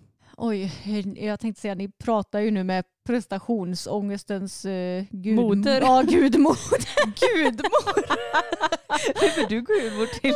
ja, här har man storhetsvansinne va? Verkligen. Herregud, vad har jag för eh, tips egentligen? Har du något mer kanske? Ja, men, jag, jag tänker så här att jag har ju alltid trott att folk har jämfört mig med dig många gånger. Mm. Och som jag nämnt tidigare i podden så är ju du mer en teoretisk människa som har väldigt lätt för sig i skolan och har haft det genom alla år och då har jag varit lite rädd för att folk ska ha de kraven på mig liksom Mm. som de har på dig för du har ju varit ett så här, ja men läser du lite grann så får du MVG. Ja. Ska jag få ett MVG då får jag lägga manken till. Mm. Sen har inte jag skitsvårt för mig Nej. men inte jättelätt heller liksom. Mm. Och det fick jag ju inse sen för att jag inte skulle må dåligt över det så fick jag ju förstå att det som jag kan jämföra mig med det är mig själv. Och det är klart att det kan skapa prestationsångest ändå för man vill ju såklart alltid göra sitt bästa. Men det är lite det jag tänker också att vi skulle väl aldrig gå in och göra någonting och bara inte vilja göra det alls. Förstår du vad jag menar? Man försöker Mm. väl ändå alltid sitt bästa. Ja och sen så någonting som jag kan tänka på det är också att vad spelar det för roll om du inte gör ditt bästa idag? Säg att, säg att du ska rida en tävling. Ja men eh, det påverkar ju inte ditt värde som människa ifall du får åtta fel istället för att bli dubbelnolla. Nej, Eller ifall du får 50 procent. Precis, alltså någon, en tanke som jag kan ha ibland när jag typ ska tävla själv det är att alltså den här lilla skittävlingen det spelar absolut ingen roll. Tänk om jag hade hetat Henrik von Eckermann och ska rida en VM-final istället. Mm. Det är ju lite skillnad jämfört med min sketna regionala hopptävling till exempel. Det kan vara ganska bra att liksom se sig själv ur ett större perspektiv att det jag gör det har ju inget betydelse alls för liksom världen. Alltså fattar Nej, du? Om, jag förstår vad du menar. mm, att man... Man ser sig själv lite utifrån. Ja precis, precis if that makes sense. Ja, men jag tänker att det går ju att applicera lite var som. Det är klart som tusan att man vill klara skolan och sådär. Men det är inte hela världen om du inte klarar ett prov. Nej. Jag menar det finns omprov som man kan göra vilket kanske är tråkigt för att man pluggar på ett annat tillfälle. Liksom. Mm. Men det är inte hela världen. Jag försöker att luta mig tillbaka och tänka att det mesta löser sig. Ja exakt. Det, det är faktiskt en väldigt bra tanke att Ja. det mesta löser sig. Och det kommer ju också lite med åldern tycker jag att du blir tryggare i att eh, om du får en lite mer whatever attityd. Ja men det, det behöver inte bara vara med åldern kan jag Nej. säga. Utan det är klart att man kan ha prestationsångest även om man är 80 år. Liksom. Jo, jo, såklart. Så jag tror att man bara får försöka att se vad som är viktigt i Mm. det stora hela. Det viktiga är ju att man själv mår bra och eh, sen vad det nu än man gör, det kanske inte spelar så stor roll. Nej. Sett att ni har halm i lösdriften, vad tycker ni är för och nackdelar med olika strö? Ja, om vi börjar med halm då. Fördelar är ju att hästarna har något att pilla med. Mm. Så vi behöver inte känna någon superstress om man är sådär, ja men det kanske inte finns sådär skitmycket hö kvar för de har Mm. fortfarande lite att pilla med även fast vi, vi ser ju alltid till att de har hö givetvis. Mm. Men ni förstår nog vad jag menar med den tanken. Ja. Men det kanske egentligen är det enda fördelen. ja men det och att det känns liksom mysigt och att Ja. hästarna gärna ligger ner i det. Och jag tycker att halm just det passar väldigt bra i lösdrifter Mm. när det är lite större plats och yta. Eh, sen i box så föredrar ju jag ju hellre, nu har ju inte vi testat någon sorts pellet ska tilläggas Nej. utan det är ju spån, halm och torv som vi har haft historiskt sett. Men där kanske jag snarare föredrar ja, men, sågspån-ish. Precis. För att det är mycket lättare att mocka i och det går att få till bra bäddar i det. Jag tycker det luktar mycket mindre än halm. Tycker det är liksom så här fräscht. Sen så gillar jag egentligen torv också men det, det kan ju lätt bli kanske både lite dammigt och mörkt tycker jag. Ja och jag tyckte nästan det var lite svårt att se vad är bajs Ja, och sant. vad är en torvkockla när vi hade det. Ja, Folk tycker att kockla är ett roligt Ja. ord. Jag tror att det är västgötskt. det, det är nog västgötskt. Knöl kan man säga också. Ja, knöl ja. Ja. Mm. Nej men nackdelen med halm också måste jag säga det är att det tar ganska mycket plats på gödselstacken. ja, det är sant. Det fyller lätt en skottkärra när man håller på och mockar i det och ja, det är inte så himla lätt mockat i heller måste jag säga. Men det är verkligen fördel att hästarna kan stå och pilla med det. Det här är en rolig fråga. Alltid undrat hur det går för Bella och Fokus att åka transport tillsammans då Bella är lite tjurig mot Fokus ibland. Alltså tro det eller ej men det går faktiskt bra. Det går väldigt bra. Den enda gången som Bella kan vara tjurig det är ja, men när man antingen lastar in henne eller Fokus, alltså när den nya hästen kommer in. Exakt. Då är det lätt att hon ska visa sitt missnöje att hallå jag kommer jag och jag bestämmer. Men, Men sen, de är så lustiga för Ja. att jag menar om vi lastar ur fokus då står ju Bella och gniggar efter honom. ja, ja. Då saknar hon honom jättemycket helt Mm. plötsligt. Så att de är så sjåpiga alltså. Men sen när han kommer tillbaks då åker öronen bak igen. Nej men det går orimligt bra Ja, faktiskt med tanke går- på att hon inte är jättefan av honom. Det går superbra. Vem av era hästar har mest potential? Jag skulle säga att i hoppningen så kanske Pebban och Fokus har ungefär lika mycket potential. Jag tror det. Ja, men sen Fokus har ju mest potential i dressyren för han är ju den av våra hästar som rör sig bäst. Skulle jag säga. Ja och som är tränad mest i dressyr Ja. för tillfället. Sen är ju förhoppningen att Pebban också kommer kunna gå en del dressyr. Precis, men Fokus han är ändå byggd lite mer i uppförsbacke och kanske ser lite mer ut som en dressyrhäst även om Pebban har väldigt bra ridbarhet och rör sig trevligt och har trevliga gångarter. Exakt. Men eh, ja, Fokus om man ska se det lite mer generellt. Mm. Eh, Jag, Komplett. jag, jag tror inte att den hästen har särskilt mycket begränsningar när det kommer Nej. till hoppningen alltså. Nej, jag trodde det heller. Men sen så har ju han en ryttare med väldigt mycket begränsningar. Fokus bara, hallå, varför får jag bara hoppa 80 centimeter nu? Varför har jag en så mesig ryttare som inte vågar hoppa högre än 80? Nej, han är nog väldigt glad över att Ja. han har det, Anna. Jag tror att man många gånger tänker så här att åh min häst är typ för bra för mig. Ja. Fast vad är för, för bra för dig? Ja, och det är en sån fråga som vi har fått också vet Mm. jag. Att ehm, någon, ja vad var det frågan var? Det var ungefär så här, hur ska jag eh, hantera tankar om att jag inte duger för min häst eller att min Mm. häst är för bra för mig. Och här tror jag det är viktigt att tänka på att hästar är inte människor. hästar tänker inte som vi människor Nej, gör. och jag tror knappast att Fokus går runt i hagen och tänker att ah, gud vad kul det vore att starta 1.30 nästa helg. Varför får jag bara starta 80? Eller hur? Så där tänker ju inte hästar. Nej. Och det, hästar är liksom nöjda bara de får mat, vatten, sällskap, gå i ordentliga hagar, liksom få ett normalt Blir omhändertagna. Ja precis. Ja. Sen så kvittar det, jag tror in, absolut inte att Bella bryr sig heller om hon hoppar bana på en meter eller 1,20 liksom utan det är så här, hon får hoppa, hon tycker att det är kul. Eh, Men sen så spelar det liksom inte någon större roll än så. Nej, och jag- menar ponera att vi skulle köpt Allan. Ja. Då tror inte jag att han bara, ja men säg att vi bara köper honom och så tappar vi lusten helt med att träna hoppning och dressyr så får han gå uteritt i skogen Ja. fem dagar i veckan och sen vila. Då hade han varit lika glad för det. Ja, jag tror inte att han bara, vart är mina OS-tävlingsplatser? nu vill jag resa till Tokyo och hoppa 1,60 liksom. Det är inte så de tänker. Nej, precis. Och det kan vara skönt att ha den tanken i, eh, vad säger man? I bakhuvudet. Ja, i bakhuvudet att hästar är inte som vi människor och bara vi är snälla mot våra djur också så är de också väldigt nöjda över det. Ja. De är inte så dömande som vi människor är. Nej, exakt. Brukar ni fira halloween och i så fall vad brukar ni göra? Ja, men ibland och ibland inte. Ja, det har ju blivit några maskeradfester ibland. Ja. Jag är ju inte mycket för maskerad. För det är ju så här, det, det är för krångligt för mig. Jag orkar liksom inte, ah, för då ska man sminka sig annorlunda än vanligt. Man ska hitta någon outfit och lägga pengar på det. Och, ah, jag är ju inte så pillig och pysslig av mig som du är Anna. Jag tycker det är jättekul. Ja, det, är ju, det är ju våra olikheter. Jag är så opysslig som det går att bli medan du är lite mer kreativ och pysslig av dig. Alltså jag försöker komma på vad du har klätt ut dig till när vi har haft halloween-maskerader. Ja, men jag har ju typ så här, tagit enkla kortet och varit typ så vampyr och så har man typ inte behövt eh, sminka sig. Man kan ha Lite blekare lite, lite blekare, lite så blod, kanske några tänder. Du har ju redan vampyr. Ja det är sant. Nej men jag tycker det är lite kul och jag och Samuel ska faktiskt på halloweenfest i år och det är ju om typ två och en halv vecka nu. Så att vi måste ju se till att skaffa dräkter men jag velar så mellan vad vi ska vara. Jag är lite sugen på att vara en obehaglig clown. Ja det tycker jag att ni ska vara ett Mm. clownpar men då är du så här, jag orkar inte riktigt lägga pengar Nej, på jag det. orkar framförallt inte ha en peruk, det känns så jobbigt. Ja jo. Men eh, vi får se lite. Antingen det eller så får jag väl vara en tråkig vampyr eller något. Nej det kan vara kul det också. Ja. Vad tycker ni om personer som rider i vanliga jeans?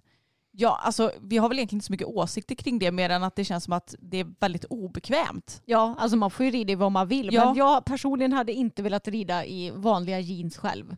Nej, inte jag heller. Har Anna blivit vegetarian? Säger du och ser lite finurlig Lite ut. pillebarisk ut. Eh, n- nej, alltså jag har ingen label på min eh, kosthållning. Men det, jag äter väldigt mycket vegetariskt och har ju i och för sig gjort det ganska länge. Mm. Men skillnaden nu är att jag och Samuel har kommit eh, fram till att det är bättre att vi lagar olika mat. Ja. oftast. För att han är mer av en köttis och saknar verkligen kött de gånger han äter vegetarisk kost. och vill han i Mm. princip åka och köpa grillkorv typ och äta. Eh, Så vi har insett det att det är faktiskt bättre att vi lagar vår egen mat. Ja, i och du, du är ju som jag var ungefär innan jag slutade äta kött. Att du är snarare sån att du blir lite äcklad av kött. Åtminstone det mesta köttet. Ja, och framförallt att hantera rått kött tycker jag är väldigt jobbigt. Ja. Ehm, Så att därav så känner jag att det blir bara mindre och mindre kött. Ja, du sa det att snart kommer nog steget när jag går över till att bli vegetarian har du sagt. Ja men typ. Men det som jag tycker fortfarande är väldigt gott det är ju om man käkar någon korv ibland. Ja. Och ja men typ lite Fisk. skärk. Ja fisk äter jag ju Mm. lite också. Så att än så länge så har jag inte någon label på mig själv och det tycker jag också så här. Det känns som att det i dagens samhälle är så himla hets kring att man måste Ja. ha någon label. Precis. Jag är pescetarian, jag är flexitarian. Alltså det är så här, eh, Jag är det- heterosexuell, jag är Ja. pansexuell. Alltså vad, vad spelar det för roll? Nej, Det, enda gången det spelar roll det är om jag ska bli bjuden på middag. jo, Då behöver ju folk veta vad jag äter och inte äter. Ja. Liksom. precis. Men annars så är det ju verkligen skitsamma. Exakt. Alltså den här frågan tycker jag är rolig. Hatar ni hundar? Har hört det? Vem, vem är det som sprider sådana rykten? Alltså Anna, du kan ju svara på ifall jag hatar hundar eller inte. Det gör du verkligen inte. Alltså det enda jag tjötar om nu det senaste är åh kolla vilken söt hund. ja, men jag kan typ inte ta med Emma till vårt lokala granngården. Mm. För att eh, när vi har varit där de senaste gångerna så du är ju helt besatt av att klappa de där hundarna som är där. Ja, ja. Men det är ju väldigt gulligt också. Ja, alltså jag gillar hundar. Inte alla hundar, men de flesta hundar som man får liksom en trygg aura av. Ja exakt. Mm. Ja det är ju det som är mitt största bekymmer. Jag har ju varit väldigt rädd för hundar. Ja, Så det är ju mer det jag har varit. Jag har aldrig någonsin hatat hundar. nej. Eh, och kommer förmodligen inte att göra det heller. Men Mm. däremot så har jag varit väldigt rädd. Ja men det är ju samma här. Mm. Men jag gillar ju egentligen hundar, jag gillar andras hundar. Men jag skulle aldrig vilja ha en hund själv för att det känns för krångligt, för mycket arbete. Ja, Liksom. precis. Här kommer tre stycken musikrelaterade frågor Anna. Oj då. Ja. Vad har ni för musiksmak? Vad tycker ni om Imagine Dragons och vad heter eran favoritartist? Okej, musiksmak. Jag skulle nog säga att Gud, det låter så tråkigt att säga att man lyssnar på ganska blandad en, musik. En så kallad allätare. Nej, det är jag absolut inte. Oj, det, Nej men snälla allätare tycker jag att man lyssnar på allt. Det gör jag verkligen inte. Nej. Men jag gillar ju fortfarande alternativ rock Ja, jag och med. emo, eller vad, vad, het, vad heter ens alla stilar? Ja men, eh, ja men alternativ rock, alltså jag tror att, eh, och indie-rock kanske. Ja, indie-rock. Ja, Mm. alltså det, det gör jag också väldigt mycket. Och det är eh, nog det som jag lyssnar på mest tror jag. Precis, och då kan man ju också förstå att vi gillar ju verkligen Imagine Dragons. Ja, det gör vi. ja men lite sån ja, indie-aktig musik, alternativ rock. Jag gillar Ehm. pop en del också. Ja, jo jag med. Ehm, och sen så kan jag lyssna på en del typ house. Mm. Ehm, kallas det något annat? Ja, men rock då, var, alltså vanlig så här klassisk rock. Ja men det kan jag också lyssna på. Mm. Samuel gillar ju verkligen gammal rock. Ja. Queen, Whitesnake och så vidare och så Mm. vidare. Och jag tycker att det är bra det också. Ja, Men jag kanske inte lyssnar på det själv, det är mer när vi är tillsammans liksom. ja precis. Men ja, vad har vi för favoritartist eller band? Sia. Sia är ju ot- otroligt, otroligt bra. Ja. Men ett band som jag också alltid går tillbaka till det är 30 seconds to Mars. ja, samma här. Ehm, grymt bra band som vi Mm. ju sett live också. Ja. Bastille gillar vi också Bastille. mycket. Mm. Eh, också ett band. Ja, Imagine Dragons som nämnde har jag lyssnat på en del det senaste. Mm. Eh, ja men lite den typen skulle jag säga. Ja. Sen så blir det mycket blandat. När jag är på gymmet så lyssnar jag lite mer på house och uptempo-låtar till exempel. Mm. Och då är det också kul att lyssna på så gamla 90-talsgodingar, Ja, typ exakt. Aqua och så här också. Ja. Och sen kan jag också gilla ABBA ibland. Alltså ni förstår, ganska mycket allätare men något som jag inte dras till är ju typ hiphop och rap och sådana där ja, grejer. nej det är lite samma det går inte Kanske hem. inte så mycket typ dansband och ja, jazz och... Nej. Nej. Men klassisk musik, det tycker jag är fint. Ja. Inte för att jag brukar lyssna på det, men vi, vi är Ta ju... lite Beethoven. Jag tänkte säga, vi är ju före detta eh, cellist och eh, violinist så jag menar det ligger ändå lite så här, jag kan ibland bara känna att varför sätter jag inte på lite klassisk musik här idag ja men lyssnar på? Det, det är faktiskt väldigt fint och jag tycker att klassisk musik det upp, ehm, alltså det får fram mycket mer känslor många gånger än Mm. vanlig musik. Eller hur? Nu kommer jag på Marie Fredriksson och Roxette är också Ja, riktiga favoriter. verkligen. Vem är mest kräsen? I alltså alla benämningar. Mat, kläder, umgänge, sadel och så vidare. Ja, alltså, med tanke på att ni nämner sadel så tror jag inte ens ni behöver fundera på den här frågan något mer. Emma, Jag, jag är överlag kanske lite krångligare kan man ju säga än vad du är. du får ju hemskt gärna prata in i micken också Ja. när vi poddar. Nej, men alltså, jag skulle egentligen inte säga att jag är en kräsen människa för jag är ganska så okräsen när det kommer till ja, mat till exempel. Fast är du det? Va? Ja men det är ju många gånger som du bara "Ah, det var, det var inte så gott och jag behöver salta mer och det, du är typ gnällig när det kommer till mycket mat. Ja, någonting som jag gnäller om också det är ju kläder. Att jag vill verkligen att det ska sitta bra. Jag klipper bort alla lappar till exempel. Det får Alltså- inte vara något äckligt material på Nej, kläderna. det får, inte vara, det får inte klämma på något specifikt. Alltså jag är jättekräsen när det kommer till sånt. Ja. Umgänge, ja alltså jag är ju mer introvert än dig så det blir ju mer viktigt för mig vilka jag umgås med. Ja. Annars så tas det ju väldigt mycket energi från mig. Men det här med mat, jag är inte så kräsen när det kommer till smaker. Men jag är kräsen när det kommer till konsistenser. Ja, det är jag också. Det är Jag kan bli så jävla äcklad om jag råkar få ett ben i fisken till exempel. Då kan jag typ inte Ja, äta nej, mer. Jag kan typ inte äta någonting om det påminner för mycket om kött till Nej. exempel. Det funkar absolut inte. Nej för sega grejer det fixar inte jag. Nej, inte jag heller. Åh gud jag får nästan panik bara jag tänker på det. Typ smörsmak. Ja, det, vi har ju dratt några sådana historier tidigare. Så okej, jag är nog faktiskt mer kräsen av dig när det kommer till mycket. Vi pratade ju om det i pappas avsnitt att du var ju den enda förutom han som kunde äta hans vinköttfärssås också. Japp. Anna, den här frågan är lite rolig. Om den perfekta köparen för Fokus skulle dyka upp och betala vad som, alltså jag antar väldigt mycket pengar då, skulle ni sälja då? Nej. Inte lille Luke. Nej. Nej men jag tror faktiskt inte att jag är så intresserad av att sälja honom och jag känner lite också att det är inte, jag har ju inte hästar för att jag vill sälja dem och tjäna pengar heller. Nej.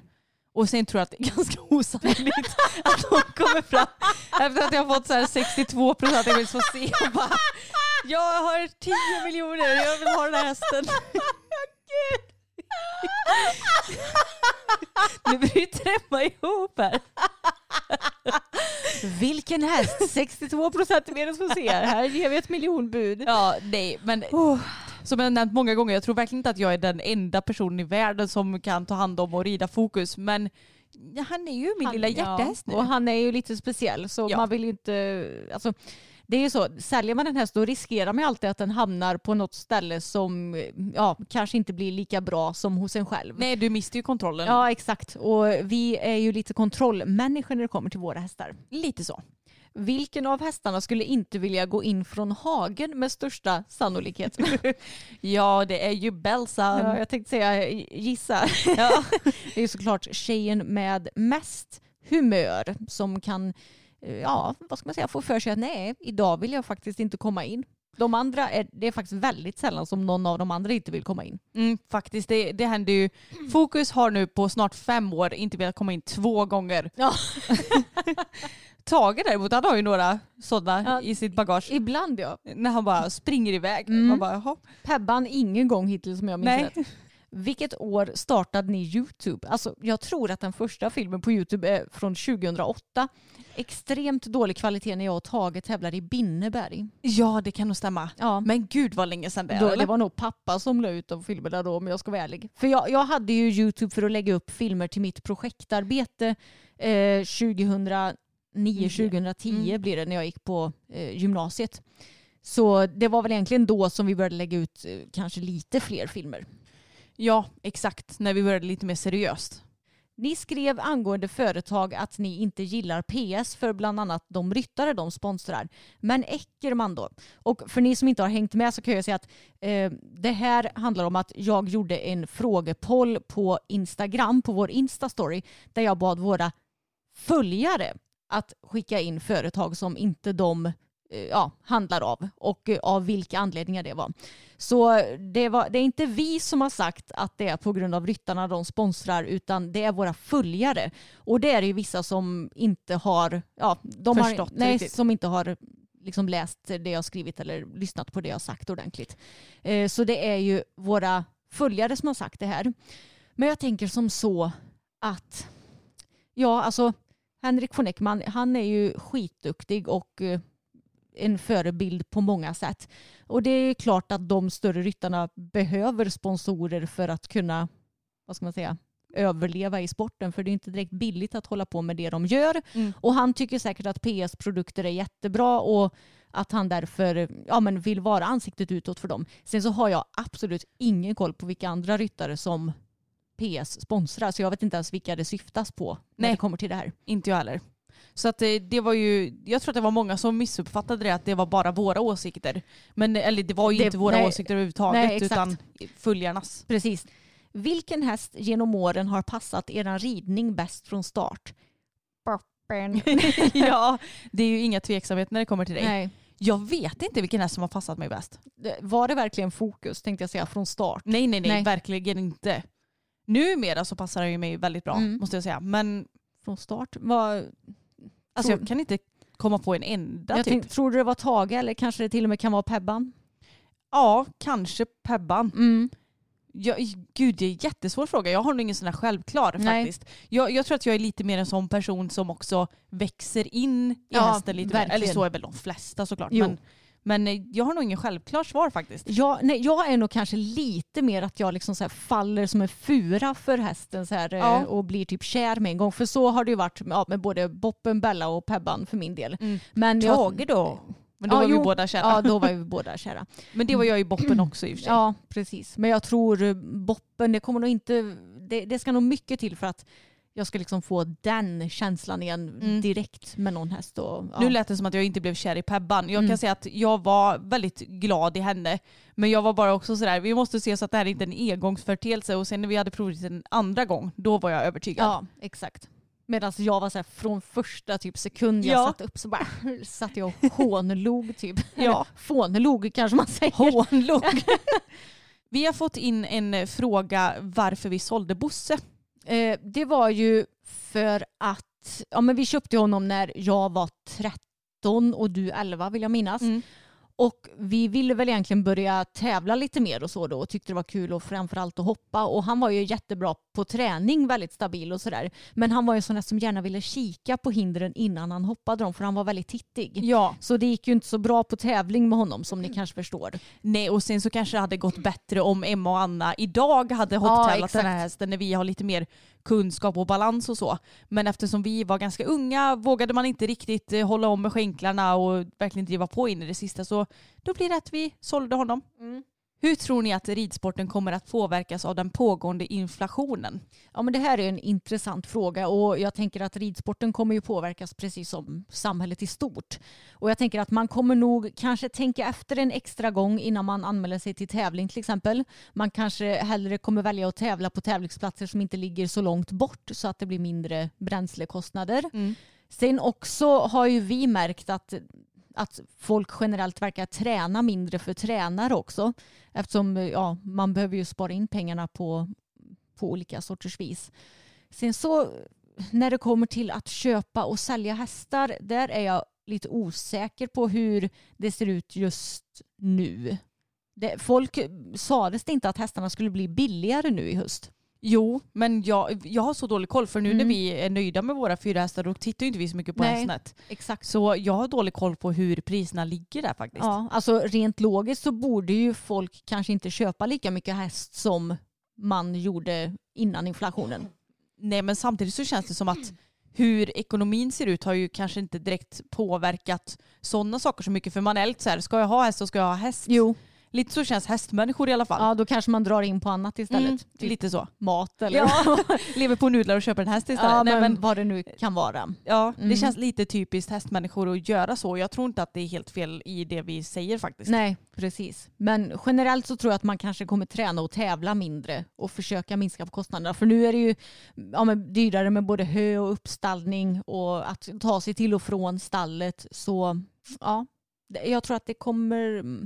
Man har ju ändå märkt att det känns som att det är färre, som, färre starter på tävling nu mot vad det var innan corona till exempel. Mm, exakt. Har ni provat Ofena magnetiska stigbyglar och vad tycker ni i så fall om dem eller vad tror ni om dem om ni inte har provat? Nej, vi har inte testat. Eh, Jag har lite dålig... Det är de som inte har någon... ehm, Utsida. Ja, precis. Nej, men jag kan tycka så här att det är säkert en jättebra säkerhetsstigbygel eftersom att det finns ju inget du kan fastna i. Men det som jag tänker kanske kan vara lite krångligt det är ju att du behöver ju ha sulor som är magnetiska också. Och då ska du ha det. Säg att du har, ja men kanske rider i ridskor ibland, i stövlar ibland och så har du dressyrstövlar. Då måste man ha tre olika, antingen att man flyttar över sulorna eller att man köper tre olika. Det kanske inte är så krångligt nu när jag tänker efter. Mm. Och jag tänker att de allra flesta har ju kanske inte fler än minst, alltså max två par stövlar och Nej. rider i. Men eh, jag vet inte, vi har aldrig provat men jag tror att det är en jättegod idé och jag vet Ja. att de som har dem gillar dem. Om ni skulle leta medryttare till era hästar, vad letar ni efter hos personen? Oj, vilken bra fråga. Vi har ju inte letat, det nej. har ju bara blivit. Ja, det har bara blivit ja. Men det som är gemensamt med våra två medryttare som vi har nu, det är att de är väldigt ansvarstagande. Att har de sagt att de ska komma en dag och rida så kommer de. Och att vi verkligen kan lita på att de kommer ta det ansvaret som det ändå är att lämna ifrån sig sin häst och ja, men så att deras träning ska bli så bra som möjligt. Och ja, Ja men alltså det är egentligen det enda kravet, att de är ansvarstagande och eh, ja, men noggranna. ja. Sen så är det verkligen skitsamma hur utbildningsnivån hos ryttaren ser ut tycker Mm. jag. För att det är klart att vi kanske inte kan, vi vill ju ändå att de ska vara självständiga. Sigrid brukar ju alltid rida med oss Mm. och Jessica brukar antingen rida med oss eller så rider hon själv. Det är verkligen beroende på vad. Ja. Men huvudsaken är att de klarar sig själva. Det är ju vårt enda krav liksom. ja. Men sen så spelar inte det så stor roll hur kunniga personer är i fråga tycker jag. För att det är inte det som är det viktiga för vår del. Vart hade Anna tänkt studera till hovslagare och varför blev det inte av? Ja, då hade jag ju tänkt att göra det i Skara. På SLU heter det Mm. väl?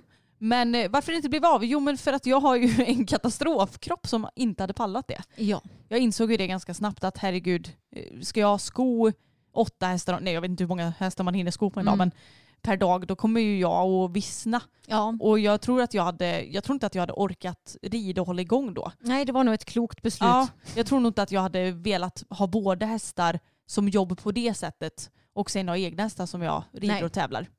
Ungefär hur många lyssnar på podden? Vi brukar ha runt 20 000 lyssningar i veckan. Så vad blir det i månaden? Två gånger fyra, 80 90 000 Ja, kanske något sånt. lyssningar i månaden. Och jag vet inte riktigt hur många unika lyssnare vi har i månaden men det brukar ligga på 10 till 12 000 unika lyssnare i veckan. Ja. Eh, Så har ni lite koll på det.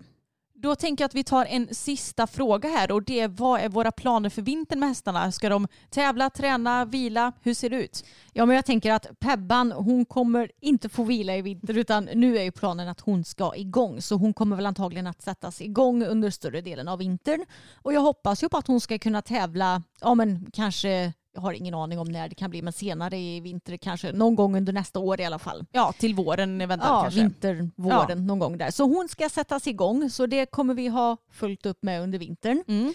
Bella, ja, jag vet, jag har inte riktigt hunnit klura så mycket på det. Jag tror att sista tävlingen vi rider den kommer väl vara någon gång i december för då är det ju KM i dressyr Mm. som jag ju har tänkt rida. Då ska jag eh, kämpa mig igenom ett, eh, en lätt beta är det va? Som Jajamän. KM eh, går i. Så det ska jag göra. Sen så funderar jag på om hon kanske bara ska få ett par veckors eh, mikrovila kanske över jul, nyår när man vill vara lite ledig. För nu har hon ändå varit igång så pass länge. Hon har ju inte hon har ju varit igång sedan april nu utan att skada sig. Peppar peppar.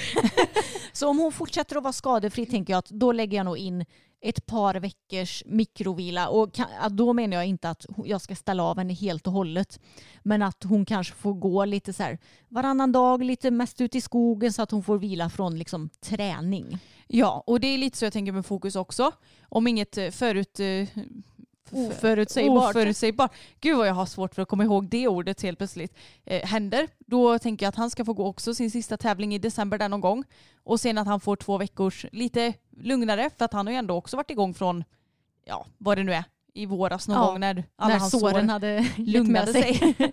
Så min plan är att han ska få lite vila för jag tänker att det kan vara gott för honom. Och speciellt för hans del har det visat sig att vila gör väldigt mycket för honom. Ja. Även fast han är 12 år Mm. i år. Det kanske kan vara gött för en själv också tänkte jag säga. Ja men faktiskt. Och när det ändå är lite trökigt i början av januari där. Ja. Det brukar vara kallt och rått Ja, och grejer. fy f- ah, jag vill inte ens tänka Nej, på det. Nu Men vi kommer fakt- klara det bra gumman. Ja, vi klarar ju oss varje år så man kommer, ju, man kommer ju överleva den här vintern också. Jag, vi fixar jag det. känner bara att nu är det ju så härligt ute. Jag, Jag gillar vet. verkligen den här temperaturen som det är nu. Sen att det har spöregnat och varit och blåst typ storm det senaste. Det är ju inte lika roligt. Men det har ändå varit väldigt behaglig ridtemperatur. Ja, det märks ju att du hade som drömjobb att vara meteorolog för du gillar ju att prata om väder. Väder och vind, det är min specialitet. Ja verkligen. YR, eller YR eller vad man nu säger. Yr.no. Yr.no det är ju min, eh, den appen som jag använder mest förutom typ Instagram och Facebook Ja, och kan, Snapchat. jag, kan jag få berätta om Tages planer då? Nej, Nej. Vill du prata om något mer om vädret? Att det kanske regnar just nu? just nu är det grått ute, regnar. Hur mycket luftfuktighet? Jag vet inte för jag är inte utbildad meteorolog. Nej men Tage tänker jag att han ska få komma igång så småningom nu och då tänker jag också att ja, men han kommer inte få någon direkt vila. Han kommer ju för alltid framöver att vara en liten halvpensionär Ja. och då innebär det att han kanske går fyra gånger i veckan ungefär. Mm. Och det kommer han fortsätta att göra så länge inte vädret är helt åt skogen. Mm. Då kanske han också får någon veckas vila men Ja. inte för att han behöver det liksom Nej. utan för att det kanske inte kommer gå att åka med transport. Man vet ju aldrig hur det ser ut. Nej, precis. Men han är ju 22 barre, han blir 23 nästa år så han, han är ju liksom inte, ja han, han är pensionär Ja, kan man säga. Bara det Vi tränar ju inte mot något. Nej, bara det att han rör ju fortfarande på sig. Exakt. Ja men då har ju det här blivit ännu ett långt och härligt avsnitt med mycket skratt. Det tyckte jag var härligt denna måndag nu när vi spelar in. Och ni får inte glömma bort att prenumerera på vår podd ifall ni gillar den. Och prenumerera gärna också på vår YouTube-kanal som heter systrarna Älvstrand där vi lägger upp mycket rörligt material där ni kan följa oss mer, hänga med på träning och tävling och allt vad det nu är. Det stämmer bra det. Ha det världsbäst så hörs vi igen om en vecka. Det gör vi. Hej då! Planning for your next trip? Elevate your travel style with Quince. Quince has all the jet setting essentials you'll want for your next getaway, like European linen, premium luggage options, buttery soft Italian leather bags, and so much more. and is all priced at 50 to 80% less than similar brands. Plus, Quince only works with factories that use safe and ethical manufacturing practices. Pack your bags with high-quality essentials you'll be wearing for vacations to come with Quince. Go to quince.com/pack for free shipping and 365-day returns. Want flexibility? Take yoga. Want flexibility with your health insurance? Check out United Healthcare Insurance Plans. Underwritten by Golden Rule Insurance Company, they offer flexible, budget-friendly medical, dental, and vision coverage that may be right for you. More at uh1.com.